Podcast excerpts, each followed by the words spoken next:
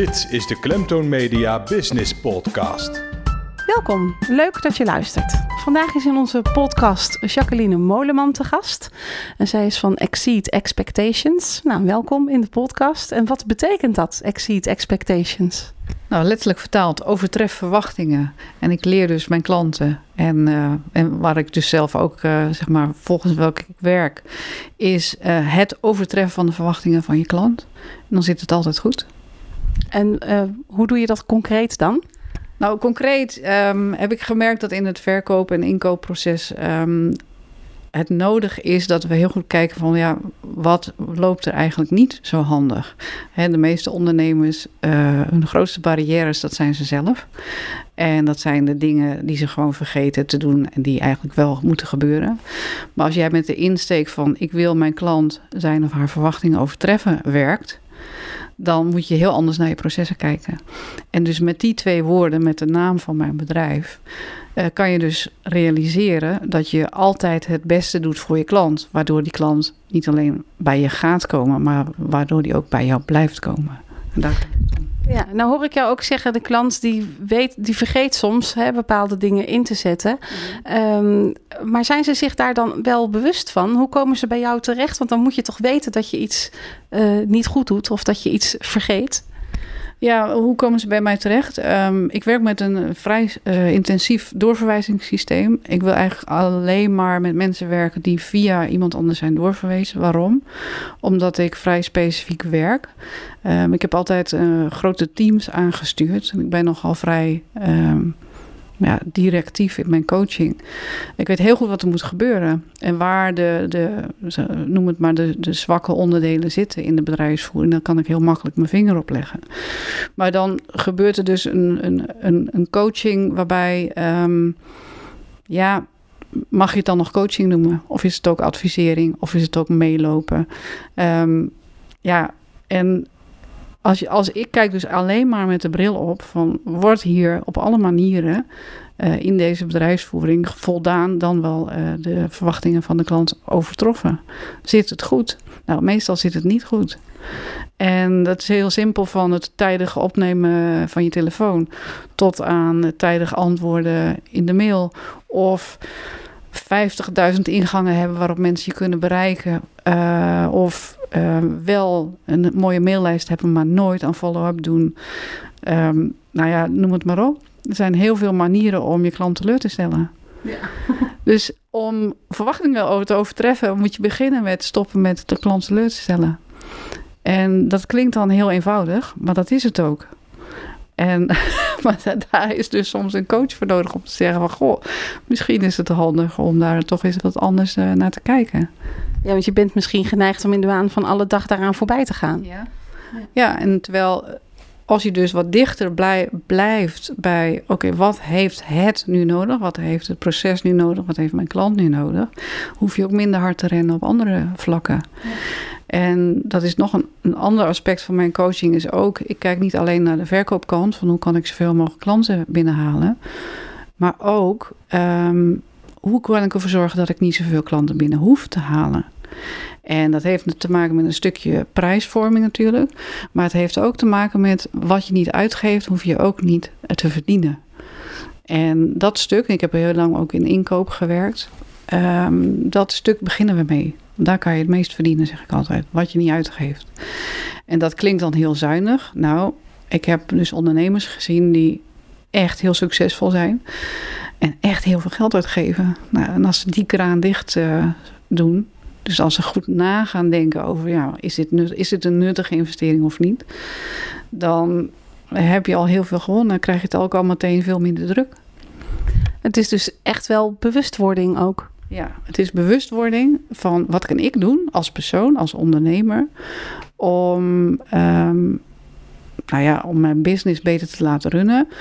En daarbij ook kijken naar de kostenkant en naar de klantenkant. En te kijken van, bezit ik de vaardigheden? Ben ik de juiste dingen aan het doen om klanten aan mij te binden? En dat stukje verbinden is ook nog een heel groot onderwerp. Want heel veel mensen zijn ook niet in staat om ja, die verbinding te maken. Die denken van, ja, ik heb een web, inderdaad wat je net zei, eerder zei, van nou, ik heb een website, ik, ik heb een LinkedIn profiel en uh, nu mogen de klanten komen. Ja, dat werkt dus niet zo. En hoe werkt het dan wel? Nou, dan blijkt vaak dat de ondernemer zelf de grootste struikelblok is. Dan wil hij wel van alles, of doet ook heel veel, maar niet de dingen waardoor de klanten aan hem of haar gebonden worden. En een stuk daarvan, waar ik dus veel mee werk, zijn leerstijlen. Uh, ik, ik zeg altijd, ik, heb, ik doe niet aan koperspsychologie, ik doe aan koperskopologie. Want klanten kopen allemaal op een andere manier. Er zijn zeg maar vier hoofdstijlen waarop klanten overgaan tot een aankoop. En je moet dus klanten helpen, als jij dus wil verkopen, dan moet je ze helpen over een stukje angst heen te komen. Van, nou, wat als ik die aankoop doe? Is dat slim? Is dat handig? Heb ik er genoeg aan? Kan ik het wel? En nou, noem het allemaal op. En als jij dus de klantstijl, leerstijl herkent, de communicatiestijl herkent, kan jij in de taal van je klant een verkoopgesprek doen. En dan heet het ook geen verkoopgesprek meer. In mijn optiek heet het dan een verbindend zaken doen gesprek. En verbindend zaken doen hoeft niet altijd te leiden tot een deal.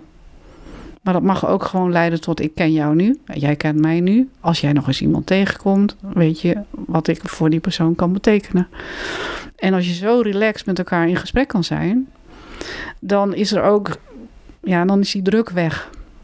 En dan kan het zomaar zijn dat ik jou in een, in een uurgesprek drie aanwijzingen kan geven, waar je wel een jaar op kan kouwen in je onderneming, waardoor jij dus gewoon denkt van ja, dat is gaaf.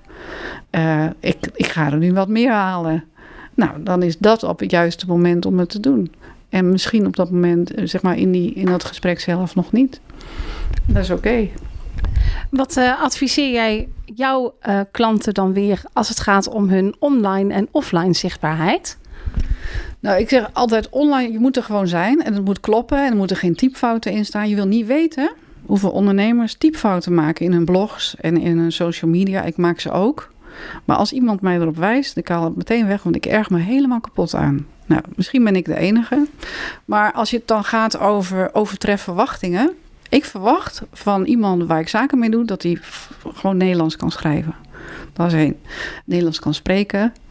Uh, nou ja, professionele uitstraling heeft. Dus online mag het er gewoon professioneel uitzien. Nou, online moet je alle vier de kooptypes aanspreken. Nou, wat ik vaak zie, dat zijn websites waarbij die persoon vanuit zijn eigen type spreekt. En dan verbaasd is dat andere types niet bij die persoon kopen. Terwijl de types die bij jou zouden moeten kopen, zijn vaak de types die niet jouw type zijn. Want die kan jij het beste helpen vanuit jouw stijl. En zodra die bewustwording bij mijn klanten er is, dus dat ze begrijpen van, oh ja, ik praat altijd zo. En dat is voor die koopstijl heel vervelend. Die gaat dan echt niet bij mij kopen, maar het is wel de klant die bij mij past. Hè, qua wat ik die klant kan leren of wat ik hem kan uh, bieden als dienst. Als je die link kan leggen, dan heb je ook de verbinding te pakken. En die verbinding die pak je in de taal. Nou, online uh, taal is dus gericht op alle vier de stijlen. En de, nou, de gemiddelde website mist minimaal twee stijlen. Dus die klanten gaat nooit naar die, naar die persoon toekomen, op geen enkele manier.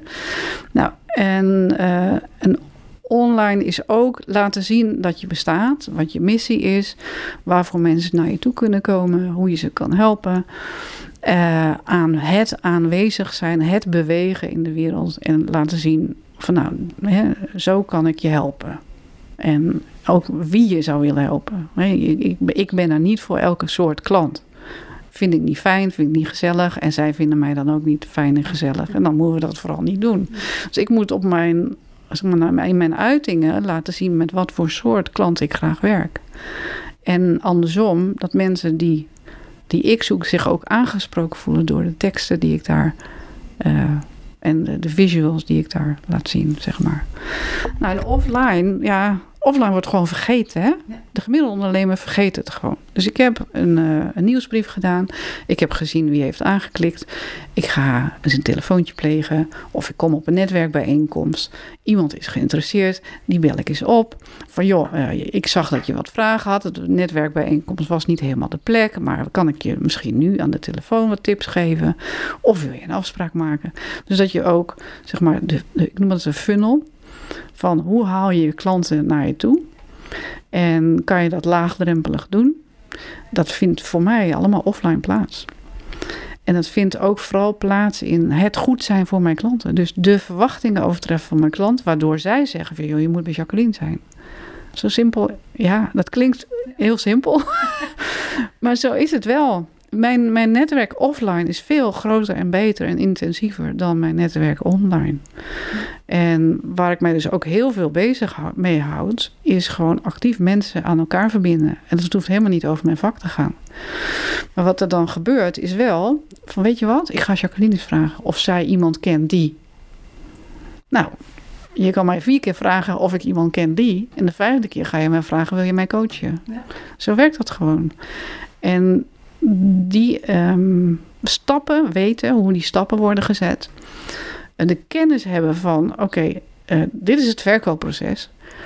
Maar dit, de kennis hebben over de uitvoering. Dus hoe pak je dat dan aan? En dat je dat tot in de lengte van dagen ook zo aan moet pakken. Dus dat daar een herhaling in zit. Ik bedoel, als ik één klant heb binnengehaald, ja, dan heb ik de volgende niet automatisch binnengehaald. Maar die, die, die, zeg maar, de manier waarop mensen zichzelf online verkopen, valt het mij op dat ze, dat, dat ze het verkopen als een trucje. Nou, het is geen truc, het is de verbinding die het hem doet, voor mij. Um, en mensen die, die op een andere manier hun geld verdienen, prima. Maar dat is dus niet mijn manier van business doen. En dat is ook niet de manier zoals ik mijn klanten, zeg maar, de, de eh, coach. Ik, ik, leer ze, ik laat ze zien hoe je in de verbinding uh, gemakkelijker kan ondernemen. En ik laat ze ook zien dat als je zelf je zaakjes goed voor elkaar hebt, je administratie, je, je verkoopproces, eh, dat, dat het allemaal logisch in elkaar steekt. Dat je weet waar je mee bezig bent en ook wat je ook vooral niet wil. Hè? Want het lijkt van ik moet op Twitter, ik moet, hè, ik moet overal zijn. Nou, dat hoeft niet. Als het niet bij je past of als je er geen zin in hebt, moet je dat vooral niet doen. En um, ja, weten ook hoe je, um, als je het over online dan weer hebt, hoe je vrij snel de juiste mensen bereikt. Daar, nou ja, daar, en daar je ervaring mee doen. En dat pad dus zo vaak mogelijk en zo goed mogelijk belopen. Ja, ja. Ik ga jou, uh, net zoals ik dat bij alle gasten in de podcast uh, doe, een aantal vragen voorleggen. Um, uh, om je wat beter te leren kennen voor, voor de luisteraars. Hoe oud ben je? Ah, ik ben vijf, vorig jaar 50 geworden. Ik word bijna 51. En in wat voor auto rijd je? Ik rijd nu in nul in geen auto. Uh, Hans heeft een, heeft een auto, die van mij is in, elkaar gestort. En we hebben bedacht, omdat we dus ook veel in het buitenland zijn, van joh, we gaan wel even kijken hoe dat gaat met één auto. En uh, dat is een Toyota Corolla. en um, wat voor muziek luister je op dit moment? Oh, ik, ben, ik hou heel veel van uh, muziek uit de jaren 80, 90. Dus waar dus herinneringen bij, bij boven komen. en ik, ik, ik zet dus vaak uh, Q-Music op, uh, Sky Radio. Um, en ik heb een aantal liedjes die ik heel vaak opzet. Uh, ja, Nooit, nooit, nooit. Ik geloof ballons, daar word ik blij van. Uh, ik word blij van Voyage, Voyage. Dus van die, van die blijwoordliedjes. Ja. Die heb ik dan op zo'n uh, lijstje staan. Ja. een uh, blije lijst, zeg ja. maar. nou vertelde je eerder dat je ook wel eens regelmatig naar podcasts luistert. Ja. Waar luister je naar bijvoorbeeld? Nou, ik, ik luister naar podcasts van um, met name Amerikanen. Uh, die dus uh, in het salesstuk heel sterk zijn. En in het motivatie, motivatiestuk. En zeg maar, ik noem dat dan. Ik laat dat binnenkomen in mijn onderbewuste. Het is niet zo dat ik daar dan heel bewust zit op te slaan. Maar op een gegeven moment heb ik dan, ik noem dat een, weten, een pot van weten in mijn hoofd. Hè, waaruit ik kan putten, waar ik mijn blogs dan uit kan schrijven. Of waar ik dan zelf weer mijn, uh, mijn coachingstof van kan maken. Dus uh, zo doe ik dat. Dat ik niet. Ik, ik heb een he ontzettend hekel aan kopiëren of gekopieerd worden. Ja. Maar mij laten inspireren door podcast, dat, dat helpt mij altijd heel erg. Ja, ja. precies. Dat is ook denk ik uh, precies de bedoeling. Uh, ja. Welk boek lees je op dit moment? Ah, nou, zou ik even pakken. Oh, pak het er even bij, ja. Echt helemaal wild van. Wacht even hoor. Oeh. er wordt gegrabbeld en gegraaid. Nee, dat maakt niet uit. Wacht even. Ligt hij nou hier? Nee, ligt niet hier. Pivot van Adam Mar Markle. En dat gaat over um, hoe je zeg maar, een beslissing kan nemen om je leven dan wel je bedrijf een, een slinger te geven. En dat is heel mooi uitgewerkt um, in, in, in stappen. En uh, ja, daar hou ik van. Ja. dat, dat, het overzichtelijk wordt, zeg maar. Met je structuur uh, erin. Wat is uh, je favoriete vakantieland? Ja, dat is een eitje, ja, Spanje. En waarom? Uh, nou, ik woon daar deels, deels van, een deel van het jaar. En wat, wat ik vooral daar heel fijn vind, dat zijn de mensen. En uh, in het begin, hè, toen mijn Spaans nog niet zo goed was, dat ze gewoon geduldig blijven kijken en glimlachen. En fijn vinden dat je ze toch probeert in het Spaans uh, aan te spreken. En ze je op alle manieren helpen. En ze willen, ze willen je ook kennen. En uh, het, het, is een hele liefdevol land, vind ik, de mensen. Ja. En inmiddels spreek je wel vloeiend Spaans? Nou, ik durf het nog niet vloeiend te noemen, want uh, wij wonen dan uh, deels van het jaar in Andalusië en dat is toch wel een heel zwaar uh, dialect of accent, geef het maar een naam. Dus als je luistert, dan leer je het niet. Dus ik moet dus wel echt actief ook mijn lessen doen en, en ook luisterlessen doe ik ook, ja. ja, ja. ja. Podcast Spaans. Ja, ja, precies. Ja, oh, dat is natuurlijk ook wel, wel superleuk. Was dat ook een droom op het moment dat je ondernemer werd, dat je zoiets had van nou, dit is wat het me dan zou moeten brengen? bijvoorbeeld het wonen in Spanje? Ja, ik, ik um, heb altijd die driedeling van geld, tijd en energie. En dan met name het tijdstuk, want ik heb uh, in mijn beroepsleven heb ik heel veel uren gemaakt. Um, en ik, heb, ik let dus op die drie pijlers. En ik let erop dat ik dus. Uh, voor mij succes is gemoedsrust. Ik, ik, ik let erop dat ik daar kan werken en met wie ik kan werken, met, met wie ik dat wil. En ik merk dus als ik dus naar een land ga, in dit geval Spanje, kan ik daar ook zo'n business opbouwen. En dat gevoel daarbij. Het gevoel hebben dat je op elk moment uh, in de verbinding met mensen gewoon je zaken kan doen, dingen voor elkaar kan maken en gewoon kan leven. Dat vind ik, vind ik heel mooi om ja, verschillende culturen te leren kennen um, in de verbinding met die mensen. Ja. En dan nog uh, de laatste vraag: wat is je favoriete serie of film? Oh, ja, ik, dat, dat, dat vinden mensen heel raar. Ik zag hem gisteren nog even voorbij komen. Um, de Wolf, Wolf of, um, of, Man, Wolf of Manhattan, Wall Street. Wolf of Wall Street. Waarom? daar is het, het, het, verkoopvak is, is bijna karikatuur, karikatuur, nou ja, als karikatuur weergegeven. Maar zo wordt het wel gepercipieerd. Dus ik heb heel veel klanten die een, een verwrongen beeld hebben van wat verkoop is. En dan laat ik ze altijd ook even die film kijken. Van nou, is het ongeveer hoe je het ziet? Ja, nou, het kan ook anders. Wat had hij anders kunnen doen? We, we, we pakken dat ook als oefening. En uh, Sell Me That Pen is een hele leuke. Hè? Verkoop me die pen, hoe moet je dat dan doen? Um, dus voor mij is verkoop de trucendoos. En het verbinden zaken doen is daar waar je het voor elkaar maakt. En dat zit dus in de taal. En ik laat ze dus ook die film ook letten op de taal. Welk type spreekt hij wel aan? Welk type gaat dan, zeg maar, uh, afhaken? Ja. Dus het is heel leuk om dat met die film te doen. Oké, nou, een aanrader dus voor, ja. uh, voor iedereen. Ja, ik vond het heel leuk dat je te gast wilde zijn in uh, onze podcast. Ja, je bent een van onze uh, winnaressen. Gefeliciteerd daarmee. Ik hoop dat jij het ook leuk vond. Zeker, ja, dankjewel. Heel leuk. Oké, okay. dankjewel. Tot zover de Klemtoon Media Business Podcast. Wil jij ook te gast zijn in een van onze podcasts? Neem dan contact op via klemtoonmedia.nl.